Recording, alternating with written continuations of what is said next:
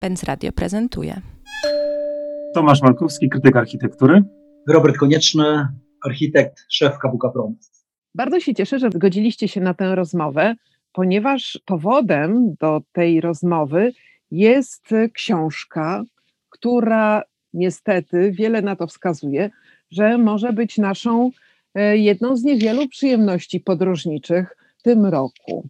Rozmawiać będziemy o archiprzewodniku po Europie, czyli publikacji, którą wspólnie przygotowaliście, zachęcając nas, i to właśnie chyba będzie też powodem, dla którego zadam Wam pierwsze pytanie, zachęcając nas do tego, żebyśmy poznali te budynki no, tylko z tej Waszej publikacji, czy też zachęcacie nas do podróżowania po Europie i oglądania, tutaj powinnam e, przeczytać podtytuł, tych najodważniejszych dzieł architektury współczesnej. Krótko mówiąc, czy to książka po to, żebyśmy oglądali, czytali i wyobrażali sobie, jak oglądamy te budynki, czy też macie nadzieję, że e, wszyscy czytelnicy rzucą się do niedostępnych chwilowo możliwości podróżniczych i zaczną po Europie jeździć. Absolutnie. Dla nas ta książka jest takim punktem wyjścia do tego, żeby e, czytelnicy sami wyruszyli w podróż po Europie. I stąd nawet w wstępie piszemy o tym, że architekturę trzeba zawsze na żywo poznawać. Architektura ma swój zapach, swoją atmosferę. Tego najlepsze zdjęcia nigdy nie oddadzą, e, więc trzeba ją poznawać. I nawet w dobie pandemii są takie budynki, które możemy zobaczyć. Mamy budynki z Warszawy, z Gdańska, z Wrocławia, więc myślę, że każdy czytelnik gdzieś w swojej okolicy może zrobić taką pierwszą wycieczkę, nawet pandemiczną, bo może jest jakiś budynek, którego jeszcze z Polski nie zobaczył, czy mamy jakieś takie miasta no, w pobliżu Polski, Berlin, e, Wiedeń, więc to nie są jakieś takie dalekie e, wędrówki. Absolutnie zachęcamy do oglądania na żywo. Koncept tej książki polega na tym, że rozmawiacie ze sobą o tych budynkach i muszę powiedzieć, że forma jest bardzo fajna, żywa. Te wymiany zdań między wami Często się zresztą nie zgadzacie, to jest też e, super. Jest bardzo angażująca, ale Robert, powiedz mi prawdę. E, rozmawialiście o tych budynkach patrząc na zdjęcia.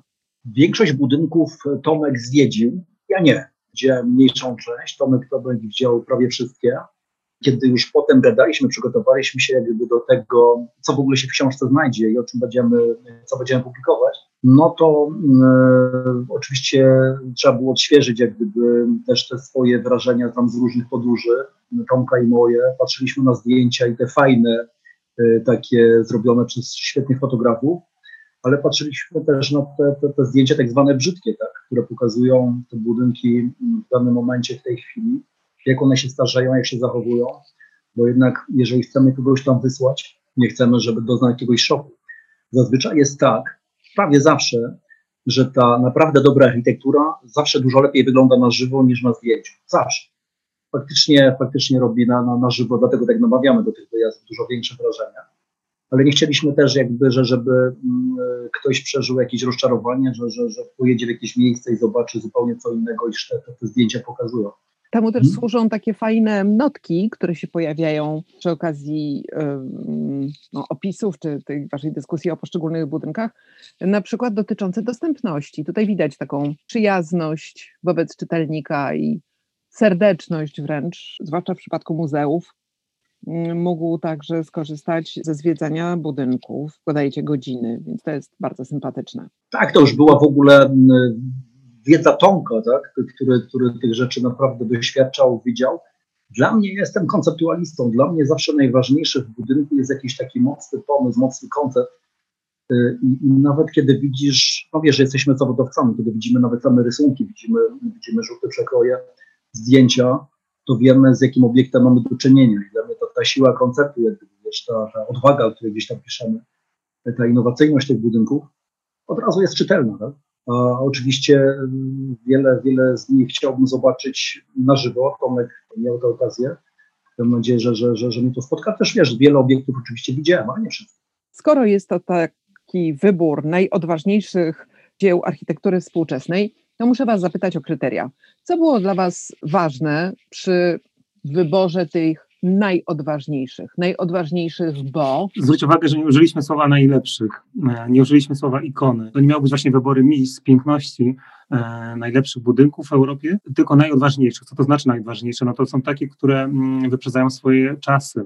nierzadko są prosto kontrowersyjne, bo to jest budynek, który przełamuje jakieś schematy myślenia z jakąś hybrydą łączącą funkcje nie do pomyślenia, jak na przykład spalarnia śmieci Biga, która jest spalarnią, a na dachu jednak jest stok narciarski sztuczny, albo hala targowa w Rotterdamie, która została budowana budynkiem wielorodzinnym, więc takie połączenie dwóch funkcji, które wcześniej no, nigdy nie miało miejsca. E, no i ta odwaga to także mm, jakiś mocny, jakiś taki silny koncept, który stoi za, za każdym z tych budynków, bo jest dużo świetnej architektury w Europie czy w Polsce, która jest po prostu poprawna, e, jest e, ciekawą bryłą, ma świetne proporcje, jest prospołeczna, ma doskonałą jakąś technologię, ale na przykład nie ma czegoś więcej, na przykład jakiejś takiej mocnej idei, która by stała za tymi ścianami, za tą przestrzenią, którą, którą tworzą te ściany. E, no i my szukaliśmy właśnie takich budynków, często właśnie innowacyjnych, często wyprzedzających swoje czasy, stąd jakby to słowo odwaga. Zaczęło się od tego, że to miał być wybór stu najlepszych polskich budynków, tylko ta, ta dyskusja zaraz na początku, wspólna nasza mm, z przedstawicielką Pascala i już z naszym grafikiem, spowodowała te, te, te kryteria, które zaczęliśmy gdzieś tam definiować na początku, właśnie ta innowacyjność, ta, ta jakaś niepowtarzalność, śmiałość, że stwierdziliśmy, jednak wspólnie, zgodziliście się potem ze mną, że my w Polsce nie znajdziemy tylu obiektów, żeby zapełnić jakby stronę tej książki. Tak? Mamy, mamy ich kilka, ale tak naprawdę musieliśmy przekroczyć granice naszego kraju i wejść w Europę, żeby pokazać naprawdę taką innowacyjną, odważną architekturę, bo u nas niestety często takiego myślenia brakuje, ale to jest w ogóle osobny temat, bo chcemy się Polską zająć. Być może też powiem jeszcze o tym, o tym kilka słów ale mm, musieliśmy jakby wyjść w Europę, żeby, żeby uzbierać te, te prawie 100 obiektów. To kryterium spowodowało, no, że jednak ta Polska e, stała się tylko rozdziałem, a nie jakby głównym bohaterem tej pozycji. Tak, to widać. E, słuchajcie, kiedy patrzy się na mapę, a mapa znalazła się pod okładką, widać, że najodważniejsza architektura gromadzi się w rejonie Alp. Czyli jakiś jest związek najodważniejszego z najwyższym. Również w Polsce te obiekty jakoś tak zagęszczają się w, na południu Polski, także w terenie górzystym. No i to, co jest y, uderzające, to to, że jednak największa, największe nasycenie tą odważną architekturą, o której przed chwilą mówiliście, to jest, nie zdziwimy się, jednak Szwajcaria i rejony południowe Niemcy. Tak bardzo stereotypowo. Jak sobie już policzysz, to tak naprawdę Niemcy to jest numer jeden w naszym przewodniku, tak jakoś wyszło, ale to też po prostu duży kraj, też z długą historią i tradycją nowoczesnej, takiej bardzo innowacyjnej architektury. Już nie wspomnę o Bauhausie, czy o wielu kierunkach, które tam się rodziły. No i do dzisiaj te Niemcy są bardzo progresywne i otwarte. To jest kraj naprawdę otwarty i na przykład z samego Berlina mamy kilka obiektów e, projektowanych przez no, architektów ze świata. Więc ta otwartość e, Niemiec e, na pewno spowodowała, że tam się tyle tych obiektów znalazło. No a, a z drugiej strony ta Szwajcaria, no, która zawsze słynęła z takiej wysokiej jakości takiego technicznego podejścia, ale też konceptualnego. Chyba trzeba dodać, że, że wiesz, i same nazwiska, i ta mapa, e, to myśmy sobie w ogóle zdali na końcu sprawę z tego, że akurat pewne, pewne miejsca gdzieś tam wyglądają tak bardziej gęsto, pewnych miejscach jest tam troszkę więcej tej pustki. I, i wiesz, były nawet takie dyskusje, y, kiedy nagle się okazało, że mamy najwięcej Herzoga de Neurona. I to wcale nie jest jakieś, na przykład moje takie mega ulubione biuro, biuro absolutnie ich cenię, no ale myślałem, że na przykład, nie wiem, OMY będzie więcej, a tu, a tu wyszło tak, a nie inaczej. No i potem zaczęły się takie rozmowy, Tomek mówi, no słuchaj, to może, bo jeżeli tych jest tak dużo, to kurczę, może wymienimy jakiś obiekt, damy inny. Tak? No i potem, wiesz, porównywaliśmy sobie mm, jakościowo te obiekty. No i ja się wtedy pytam, Tomek, słuchaj, twoim zdaniem, czy to jest lepsze, to co chcemy wymienić, czy nie? Ten pierwotny wybór był dobry, no to zostawmy. Nawet jeżeli y, kogoś jest, jest więcej, kogoś jest mniej, no tak to jest. My chcemy znaleźć rzeczy takie naprawdę gdzieś przełomowe, fajne. No i tak, tak, tak to wychodzi, że, że ci architekci akurat no, przodują tym no to nie wstydźmy się tego, zróbmy to, tak? No i tak zrobiliśmy. Słuchajcie, to um, porozmawiajmy w takim razie o tym, y, że rzeczywiście ta mapa Europy jest trochę niezrównoważona, dlatego że no nie ma żadnych obiektów z Europy, powiedzmy południowo-wschodniej, z centralnej. Słowacja jest białą kartą, również Węgry, dawne kraje Jugosławii. W Grecji nic. Rumunia pusto, Ukraina zero. Czy to wynika z waszego specyficznego spojrzenia, czy też rzeczywiście próbowaliście znaleźć coś w tych krajach, ale nie udało się? Z dwóch rzeczy. To, co właśnie Robert wspomniał, przede wszystkim te wysokie kryterium. My naprawdę kawał roboty odwaliliśmy z Robertem, przeglądając te, te kraje, o których wspomniałaś. Takim narzędziem się posiłkowaliśmy, jak właśnie na, na, nagroda imienia Misa van den Rohe, gdzie tam jest podział na, na kraje, gdzie sobie przeglądaliśmy na przykład Słowację czy Węgry. Wchodziliśmy w te projekty, w te pracownie, nawet z, z, z wiele nazwisk znaliśmy z właśnie z, z, tych najbliższych naszych krajów ościennych i przeglądaliśmy sobie, wchodziliśmy sobie na strony biur, ale zawsze był jakiś element, który nam nie pasował, w jakimś tam takim projekcie, który nam na który zwróciliśmy uwagę. No i jednak siłą rzeczy one po prostu odpadały nam. A dla mnie taki drugi mm, aspekt, mm, że jest mniej tych krajów, ja po prostu mniej znam Europę Środkowo-Wschodnią, przyznam się. Częściej jednak jeżdżę po tej Europie Południowej, mm, czy tej zachodniej, Natomiast no, tych krajów byłej Jugosławii no, też tak dobrze nie znam. Staraliśmy się czerpać jakby e, wszystkie informacje z pierwszej ręki, czyli takie budynki, które sami widzieliśmy, które naprawdę możemy z, z całym sercem polecić czytelnikom. No trudno byłoby mi tutaj pisać um, sprawę o architekturze łotewskiej, kiedy nigdy nie byłem na Łotwie. Ja bym chyba dodał jeszcze jedną ważną rzecz.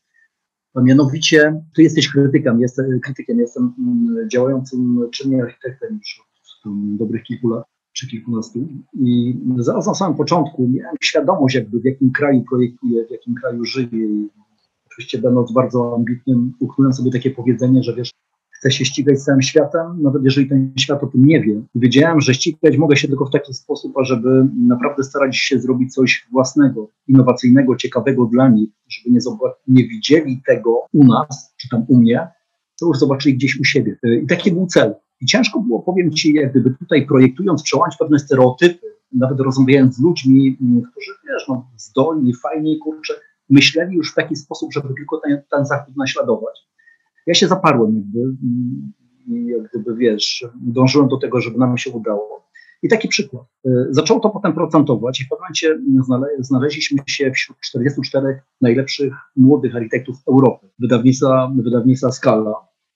I 43 e, pracownia to były pracownie z Europy Zachodniej, a my byliśmy jedyną e, pracownią z Europy właśnie tej środkowo, środkowo-wschodniej. I to trochę pokazuje, bo oni dosyć mocno weryfikowali, oglądali sobie ten rynek szukali takich rzeczy, które są świeże. I jak gdyby zawsze, przyznaję, miałem fioł na tym punkcie, tak, bo uważam, że innowacja to jest, to jest rozwój, to jest takie parcie do przodu powoduje, że, że wiesz, wszystko się rozwija, tak, staje się lepsze, y, mądrzejsze, konieczne wręcz. Tak? I teraz, y, kiedy oglądaliśmy te rzeczy tutaj w tej, w tej naszej części Europy, to zazwyczaj było tak, że okej, okay, to już widziałem tu, to już widziałem tam, to jest dobra, może podobne, może trochę gorsze. I w tym sensie stwierdziliśmy, że mimo, że te rzeczy naprawdę są całkiem niezłe, to trzeba je odwalić po prostu, odrzucić i postawić na tych, którzy zrobili to pierwsi, bo to jest innowacja. Z punktu widzenia mm, wydawcy wydaje się, że to nie jest wcale wada. Po prostu jest część, e, którą powinniście nadrobić i znajdzie się to pewnie w tomie drugim. Taka e, wycieczka w tę Europę, która no, dopiero wymaga jakiegoś odkrycia. Nawet jeżeli nie doskonała, byłaby bardzo interesująca. Mhm, Zajmijmy się tym, w jaki sposób e, rozmawiacie o tych budynkach, bo to także jest bardzo ciekawe.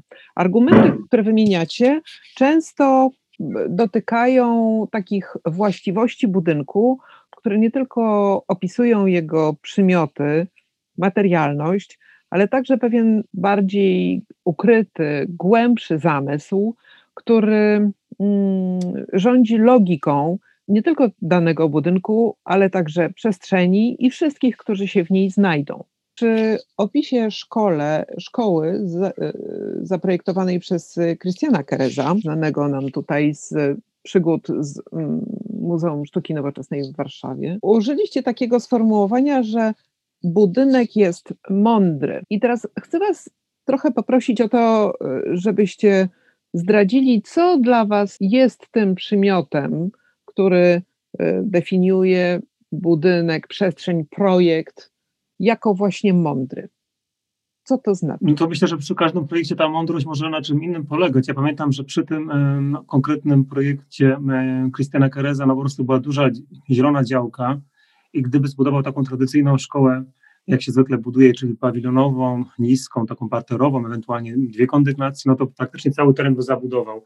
A on zbudował coś, e, no, czego nigdy wcześniej nie widziałem, nie znałem, czyli praktycznie skomasował te wszystkie funkcje, nawet dla takich małych dzieci, bo tam jest przecież szkoła podstawowa i gimnazjum, w takiej wysokiej wieży i dzięki temu zachował olbrzymi teren zielony, a wokół jest taki teren dosyć nieciekawy, bo to są takie tereny poprzemysłowe, które dopiero teraz są rewitalizowane, tam powstają jakieś biurowce, pierwsze osiedla mieszkaniowe, więc on, on to, to, to, jest, to jest dla mnie ta pierwsza mądrość, tak? Czyli myślał jakby w takim szerszym kontekście, że ta szkoła nie tylko budynek, ale też taki teren zielony, który ma służyć e, tej takiej mikro tam społeczności, tej nowej dzielnicy, która powstaje mieszkaniowa. Mm, no i też taka ciekawostka, na, na, na najwyższej kondygnacji jest przeszklona sala gimnastyczna, która jest zarazem takim trochę punktem widokowym, gdzie te dzieci grając w piłkę e, mogą też podziwiać z góry, jak ta, e, jak ta dzielnica e, się rozrasta, bo to jest no, to pod Zurichem tak naprawdę, to są takie dalekie przedmieścia. Więc ja myślę, że ta mądrość, no, przy każdym projekcie to może coś być innego. Już ta wspomniana przeze mnie e, góra sztuczna, czyli Copenhill w, w, Kopenhadze, czyli ta spalarnia śmieci, bardzo znana zresztą, Biga, no też zrobił taką przewrotną rzecz. No, ze zwykłej spalarni tak naprawdę śmieci zrobił obiekt, który przyciąga turystów, który tak naprawdę promuje tą spalarnię. No bo spalarnia śmieci zawsze nam się kojarzy z czymś, co, co truje, co wydziela jakieś niebezpieczne spaliny z tego procesu spalania śmieci, a tak, to jest jedna z najczystszych spalarni śmieci i on, żeby ją tak bardziej przybliżyć do ludzi, no nadał jej taką jakąś taką ciekawą formę właśnie sztucznej góry, e, parku wznoszącego się i dzięki temu ci mieszkańcy Kopenhagi chodzą po tym budynku, ale też w środku mogą zwiedzać go z, z odpowiednim przewodnikiem i mogą poznawać jakby ten proces spalania śmieci, utylizacji, więc e, no, ta mądrość mo, może mieć wiele twarzy i myślę, że my przy tych projektach bardzo różnych pokazywaliśmy różne zupełnie podejścia do architektury.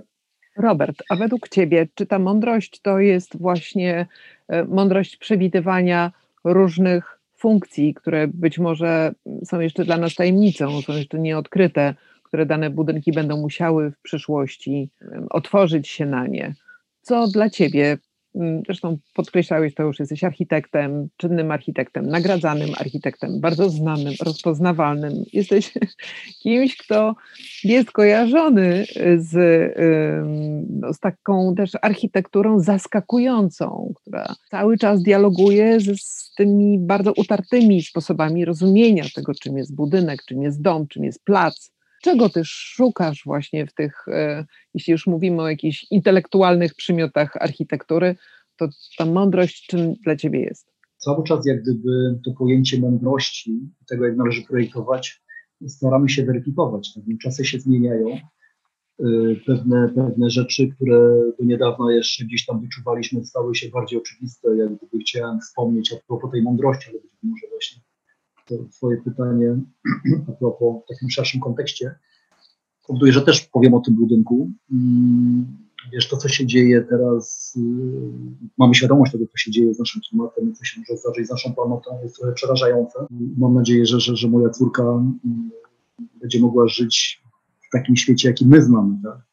Wiesz, w tym momencie zaczynasz weryfikować jakieś swoje poglądy na, na w ogóle sposób projektowania, zaczynasz się zastanawiać, jak dalej działać, żeby to wszystko w ogóle miało jakiś sens. I zawsze, zawsze, mm, nie wiem, ta arka, w której w tej chwili siedzę, oczywiście robiąc tak na czuja, wydawało mi się, że, że myślałem sobie tak, no, życie staje się coraz bardziej dynamiczne, coraz, coraz szybciej się zmienia. To są, to są już, wiesz, takie zmiany, których nie jesteś w stanie nawet przewidzieć w jakimś tam okresie czasu. Postęp jest, idzie tak, wiesz, tak, tak szybko do przodu. To stwierdziłem, że kiedy się już montuje w jakiś pejzaż, no to robię to w taki sposób przemyślany, mądry, trwały, a wnętrze y, stwierdziłem, że niech będzie totalnie elastyczne, tak? że będzie można przerobić, że będzie można przerobić instalacje, wszystkie systemy, układ i tak dalej, i tak dalej, bo nie wiadomo, co życie przyniesie. Ale to, to akurat, wiesz, to jest, to jest taka rzecz, przy której chyba wydaje mi się, jeżeli zakłada, że budynek będzie wykorzystywany w jakimś dłuższym czasie, chyba jest słusznym sposobem myślenia. Ale ja chciałem powiedzieć Wam o jeszcze, a propos tej mądrości projektowania i a propos, a propos tych zagrożeń klimatycznych, które, których mamy już teraz tak, tak dużą świadomość. Uwielbiam, uwielbiam y, budynek, który dostał ostatnią nagrodę Fundacji Mies van der Rohe, biura Wakaton La Salle, La Salle, przepraszam. w Bordeaux, a mianowicie, i to jest patent, to nie jest kwestia tylko jednego budynku, przerobienie zwykłego bloczyska, które było tylko problemem, które było w sensie takim mieszkaniowym substandardem, y, zamiana w coś, co jest, co, co, co, co jest fantastyczne do mieszkania, y, co, co daje tym ludziom zupełnie jakby nową jakość, jakość życia. Jaki prosty pomysł, słuchajcie. Mamy betonowy blok, który jest problemem, a takich bloków, popatrzcie ile jest w Polsce, i dobudowa czegoś na kształt tarasy, również w żelbecie, tak, czyli jakby w trwałej technologii, założenia, że to będzie wykorzystywane przez długie, długie lata kolejne. Po co to rozbierać, tak? Jak można tylko coś, co jest, poprawić. Dołożenie tych tarasów, przeszklenie ich, powiększenie otworów, jakby tych ma maleńkich okienek, które nagle stają się łącznikiem tych małych mieszkań tymi przestrzeniami doklejonymi jak gdyby do tego bloku, nagle spowodowało, że powstało coś fantastycznego, powstał genialny pomysł, no dla mnie ratowania świata. Ratowania świata, bo nagle okazuje się, że jest patent, który z tych blokowic, z którymi nie wiadomo co zrobić, można zrobić coś fantastycznego, że ludzie mogą wiesz, spokojnie w tym, w tym mieszkać w bardzo dobrej jakości. I jak rozmawialiśmy z Tomkiem a propos takich rewolucyjnych pomysłów, które jakby odnoszą się do problemów, o których już teraz wiemy, a propos tych zagrożeń klimatycznych, to dla nas to w zasadzie wymieniamy tylko to, co zrobili ci Francuzi i to, co zrobił Aravena, tak? Zresztą również również y, zdobywca nagrody Pritzkera. To są chyba dwa takie motywy, dwa takie zagrania, które można w uniwersalny sposób przenieść w różne, w różne miejsca naszego globu. I to jest genialne. To jest genialne. I cieszę się bardzo, że wspomniałeś o tym akurat y, obiekcie i o tym projekcie rewitalizacji tak naprawdę budynku mieszkalnego, z tego powodu, że większość wybranych przez Was e, budynków, takie mam przynajmniej wrażenie, kartkując e, Wasz przewodnik, to są jednak albo budynki użyteczności publicznej, albo spektakularne obiekty i mm, te budynki o funkcji mieszkaniowej są tu chyba w mniejszości. Czy tak specjalnie zrobiliście, czy Wam tak wyszło po prostu? Y, to ja jeszcze może, może dwa słowa a propos tej architektury mieszkaniowej, którą zresztą bardzo lubię, która, która zawsze mnie kręciła od studiów. Kiedy my już w biurze podchodziliśmy, wiesz, do, do, do tych pierwszych mieszkaniówek, które, które realizowaliśmy, to wiesz, zawsze robisz takie, takie przygotowanie. Patrzysz na to, co się zdarzyło na świecie i y, szukasz takich momentów przełomowych w architekturze, które po prostu dają ci jakby taką odskocznię do tego, żeby gdzieś pójść dalej. Pójść dalej. I w zasadzie stwierdziliśmy, że od czasów Corbusiera Największym przełomem było to, co zrobiło MFRDV y, i ich Silodo. Ten, ten budynek jak gdyby nowy, fajny sposób y, pokazuje, jak można kształtować architekturę mieszkaniową i dał tyle nowych możliwości, że potem zresztą również i my, również i my y, w Beldon jak gdyby mocno inspirując się tym, szliśmy, szliśmy gdzieś tam dalej. I myśmy szukali też takich przykładów, które faktycznie są jakimiś takimi, nie wiem, punktami zwrotnymi jakby mm, w architekturze. I kurczę, wbrew pozorom w tej mieszkaniówce wcale nie tak dużo się mm, zdarzyło, a jest tak dużo do zrobienia. I drugim takim krokiem, takim kurczę, krokiem milowym, to jest właśnie to, co zrobili Francuzi, to w Bordeaux, to o czym przed chwilą mówiłem, Lacaton Vassal.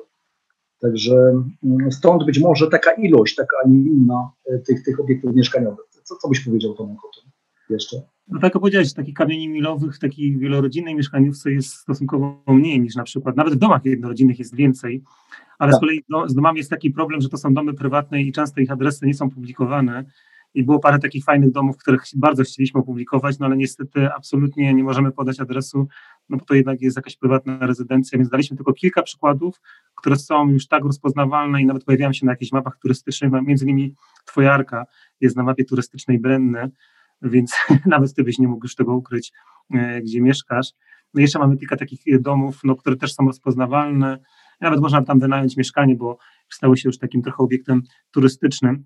Więc jakby to też spowodowało, no, że niektóre mm, projekty, mimo że mieliśmy je na tapecie, no, nie nadawały się do przewodnika, no bo przewodnik to jednak jest takie miejsce, no, do którego tego turysty zaprosisz, tego czytelnika podajesz adres, e, wskazówki dojazdowe, e, więc to też m, przyczyna braku. Natomiast ten Ground Park, m, to osiedle, m, ta przybudowa tak naprawdę kilku bloków, bo to nie jest tylko jeden blok, to jest taki uniwersalny pomysł, no to jest dla mnie taka najwyższa mądrość, bo to jest taki patent, który można zaimplementować nawet w Polsce.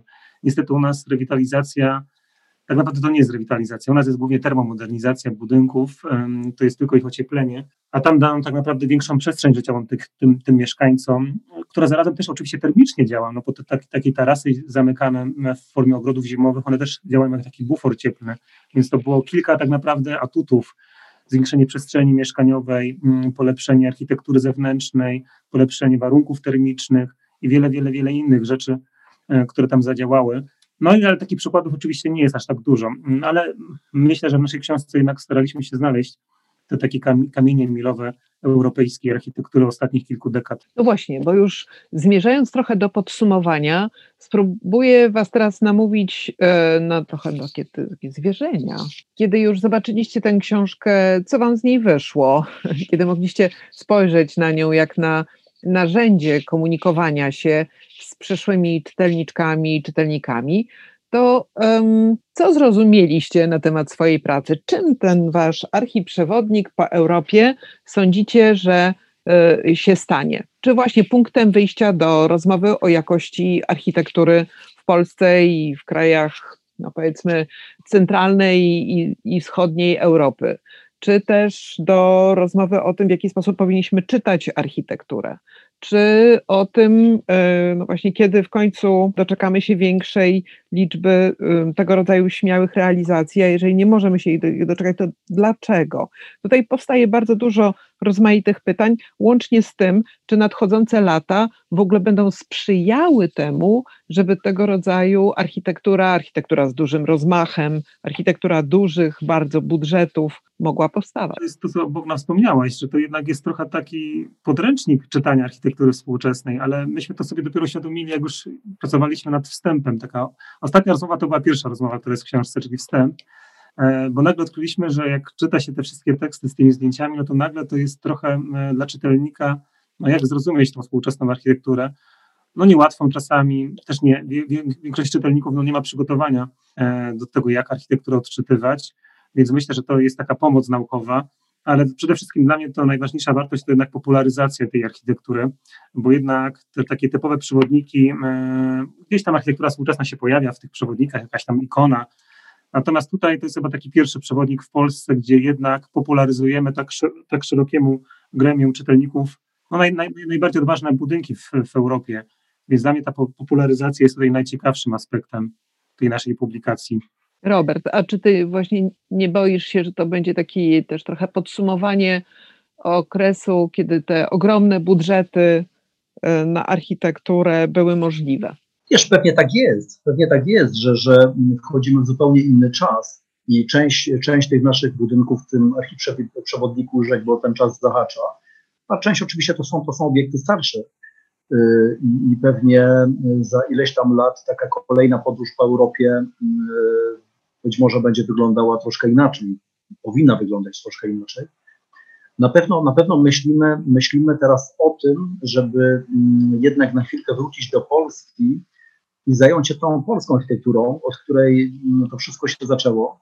Oczywiście przyjmiemy troszkę inne kryteria, bo jak gdyby to, ta innowacyjność to, to, to, to, to siłą rzeczy mm, tutaj jakby nie wypaliła, ale będziemy szukać takiej architektury fajnej, dobrej, o której chce się gadać i y, która jeżeli ktoś nawet z zagranicy, wiesz, złapie tę książkę w ręce i tak sobie pogląda, to stwierdzi, że kurczę, ciekawe rzeczy się dzieją w tej, w tej Polsce. Tak? No, no, ciągle jeszcze troszkę szukamy kryteriów, jakie gdzieś tam ostatecznie będziemy przyjmować, jeżeli chodzi o wybór tych obiektów, ale na pewno chcielibyśmy, i tak mi się wydaje, to się tak już tak pomału krystalizuje, pokazać takie obiekty, które naszym zdaniem, oczywiście bardzo subiektywnym, są dobre teraz w tym czasie, że, że albo są oczywiście świeżo zbudowane, albo wytrzymały te próbę czasu. Że chcemy o tym gadać pozytywnie. Pozytywnie zachwycać się tylko tymi budynkami, którymi warto nie chcemy chyba odnosić się tak bardzo, wiesz, w taki sposób, jak, że nie wiem, tworzymy jakiś historyczny podręcznik, gdzie tam sięgamy do jakichś przykładów, mówimy, że to jest dobre, to jest niedobre, e, to takie, nie takie. Chyba nie. Chyba chcemy pokazywać takie pozytywne przykłady, z których wszyscy jesteśmy, jesteśmy dumni i chcemy się trochę tym chwalić. Tak mi się wydaje, Tomek, będzie ta książka, ta książka wyglądała. Czasami znajdujemy jakieś, ale nawet w tej książce też chwalimy budynki, ale znajdujemy czasami jakieś takie słabsze ich momenty i my nie omieszkamy jednak wskazywać takie, że tutaj coś nie wyszło architektowi, więc to nie jest tak, że to jest tylko laurka. Staramy się być po prostu uczciwi. Moim zdaniem y, to też jest y, książka dla, dla architektów i studentów architektury, bo przecież y, wydaje się, że no okej, okay, architekci znają większość tych budynków, ale nagle się okazuje, że, że znają je bardzo powierzchownie, tak? znają, znają zdjęcia, jakieś może rysunki, ale tak do końca nie wiedzą, skąd się te budynki w ogóle wzięły, na czym polega koncept, co jest w nich najważniejsze. I, I, to jest taka wiedza, która naprawdę pomaga y, nie dość, że zrozumieć, to potem dużo lepiej projektować. Tak? Bo niestety na naszych uczelniach często uczy się w taki sposób powierzchowny jakby tej architektury. Nie uczy się jak gdyby, nie rozbiera się tych budynków na czynniki pierwsze i nie, nie, nie, nie, nie uczy się jakby skąd geneza. Dlaczego to jest takie, a nie inne, tak? ta, ta nasza wiedza zdobywana gdzieś na tych wydziałach jest taką wiedzą troszkę fotograficzną, że okej, okay, to jest dobre, no bo, bo jest dobre. Dlaczego? Nie wiemy. To jest kwestia właśnie tej mądrości projektowania tych mądrych budynków, właśnie tej idei wykorzystania, tak jak w szkole Kereza, działki, pójścia w górę. Już to są, to są jakieś logiczne, mądre decyzje, które z tej książki, kiedy się przeczyta te rozmowy, można wynieść naprawdę dużo, dużo fajnej wiedzy. Wydaje mi się, że to tak w pewnym sensie, kiedy się czyta, to tak samo wchodzi tak staraliśmy się jakby, tak staraliśmy się o tym mówić. Tomku, a ja bym Cię jeszcze namawiała na to, żebyś Ty opowiedział trochę o subiektywizmie niezbędnym przy e, dyskusjach o architekturze, bo um, też ta Wasza um, książka, przewodnik, no polega na tym, że wymieniacie się swoimi opiniami, nie tylko wiedzą, ale także wkładacie w to serce, emocje. I jak ważna jest ta subiektywna, mm, ten, ten subiektywny głos, który, y, bez którego temperatura dyskusji o architekturze jest dosyć taka letnia. No. No masz rację, no, jesteśmy oczywiście y, specjalistami w tej dziedzinie, więc potrafimy stosować jakieś obiektywne, bardziej naukowe kryteria, ale jednak ciężko mm, e, no, nie mieć jakichś swoich upodobań, czy to estetycznych, jakiejś ulubionej pracowni, jakiegoś materiału. Ja na przykład lubię ciężką architekturę brutalistyczną, więc tutaj się oczywiście pojawił w paru miejscach beton. Jest budynek Petera Mertliego, e, szwajcarskiego takiego architekta, taka mocno betonowa e, architektura, która wygląda trochę jak e, opuszczona stacja trafo.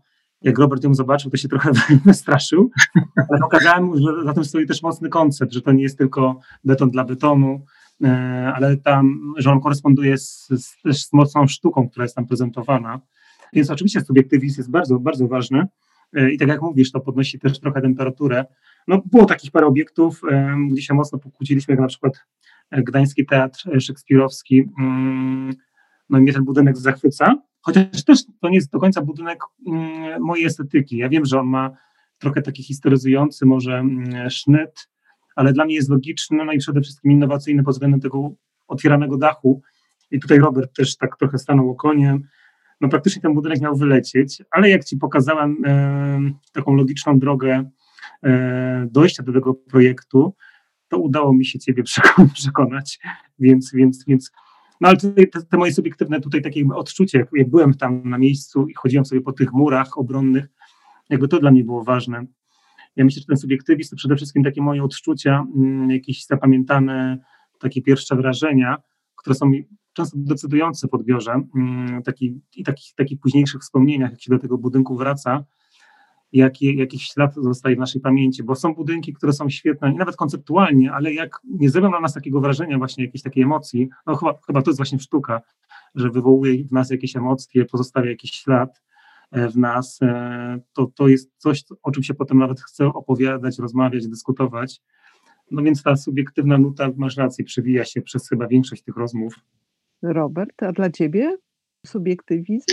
Wiesz co, ja, ja jak gdyby mm, zawsze szukam jak gdyby w każdym budynku jakiegoś takiego mocnego konceptu, y, który w pewnym sensie, nawet gdyby, powiem Ci tak, ten budynek nie został zrealizowany, y, ale ten, ten pomysł w zasadzie można zapisać, wiesz, nawet na kartach księgi, książki, w postaci kilku projektów, kilku kresek, ale mm, może służyć też innym architektom do tego, żeby mogli jakby taką ideę dalej rozwijać. Bardzo lubię takie projekty.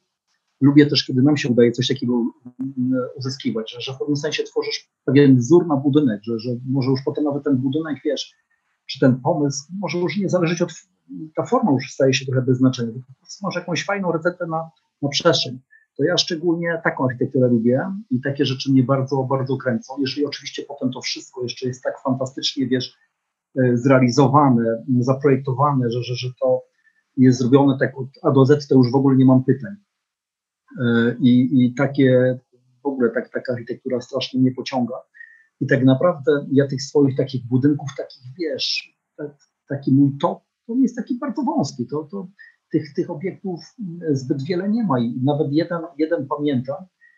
W zasadzie nawet nie wiem, jak wygląda realizacja. Zobaczyłem tylko szkic pewnej przestrzeni, zrobiony kilkoma kreskami. To wiesz, było na mnie, kiedy jeszcze byłem tam młodym e, studenciakiem, chyba jeszcze nie architektem, to wywarło to na mnie takie wrażenie, że ja do dzisiaj mam ten rysunek w głowie, jak gdyby wiele projektów w pewnym sensie, wiesz, było troszeczkę gdzieś na początku zapoczątkowanych właśnie takim rysunkiem. Czyli taka architektura mnie kręci, która jest jakby w pewnym sensie, wiesz, nawet nie musi być zrealizowana, to jest genialna w swoim pomyśle. I takiej tutaj mamy dużo.